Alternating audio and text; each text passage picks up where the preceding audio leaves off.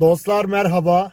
Bugün Ukrayna üzerinden dünyayı değerlendireceğim. Biliyorsunuz çok büyük bir savaş var aslında Ukrayna'da. Operasyon falan değil bu. Bildiğiniz savaş ve 2. Dünya Savaşı'ndan sonra en ağır bombardımana tutulan ülke Ukrayna oldu. Şurada 2. Dünya Savaşı biteli kaç yıl oldu Allah aşkına?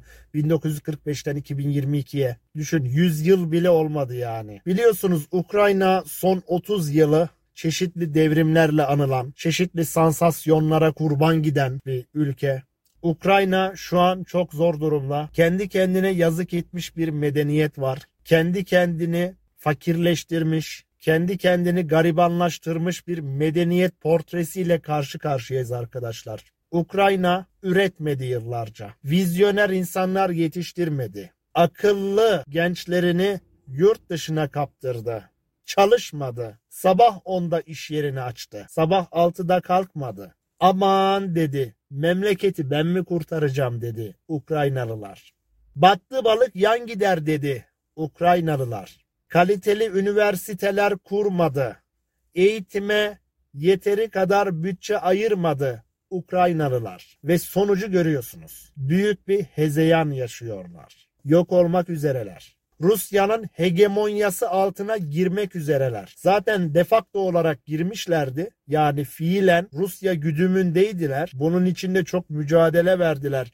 Bu güdüme girmemek adına ama büyük balık küçük balığı yutar. Bu bir doğa kuralıdır. Bunu bütün dünya kadar Ukraynalılar da biliyordu. Zamanında Amerikan kuvvetleri tarafından lav edilen, paramparça edilen, dağıtılan Irak da iyi biliyordu. Büyük balığın küçük balığı yiyeceğini.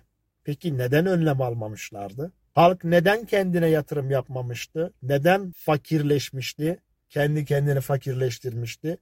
Neden vizyoner atılımlar yapmamıştı? Neden teknolojiye yatırımlar yapmamıştı? Irak halkı, Suriye halkı, Afgan halkı, bugün Ukrayna halkı. Ukraynalılar da her ne kadar fiziki coğrafya olarak Avrupa'da olsalar da toplum mantalitesi Orta Doğu halklarından farksız. Zaten Sovyetik bütün uydu devletlerin mantalitesi Orta Doğu'dan farksız.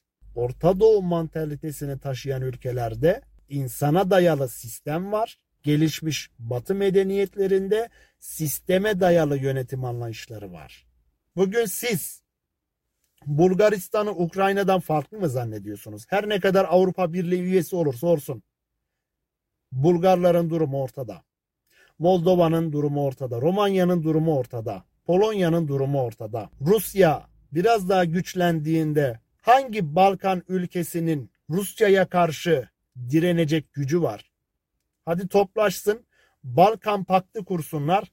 Gene güçleri yok. Ne silah gücü, ne insan gücü, ne finans gücü. Hiçbir şekilde güçleri yok. Rusya bunu bilmiyor mu?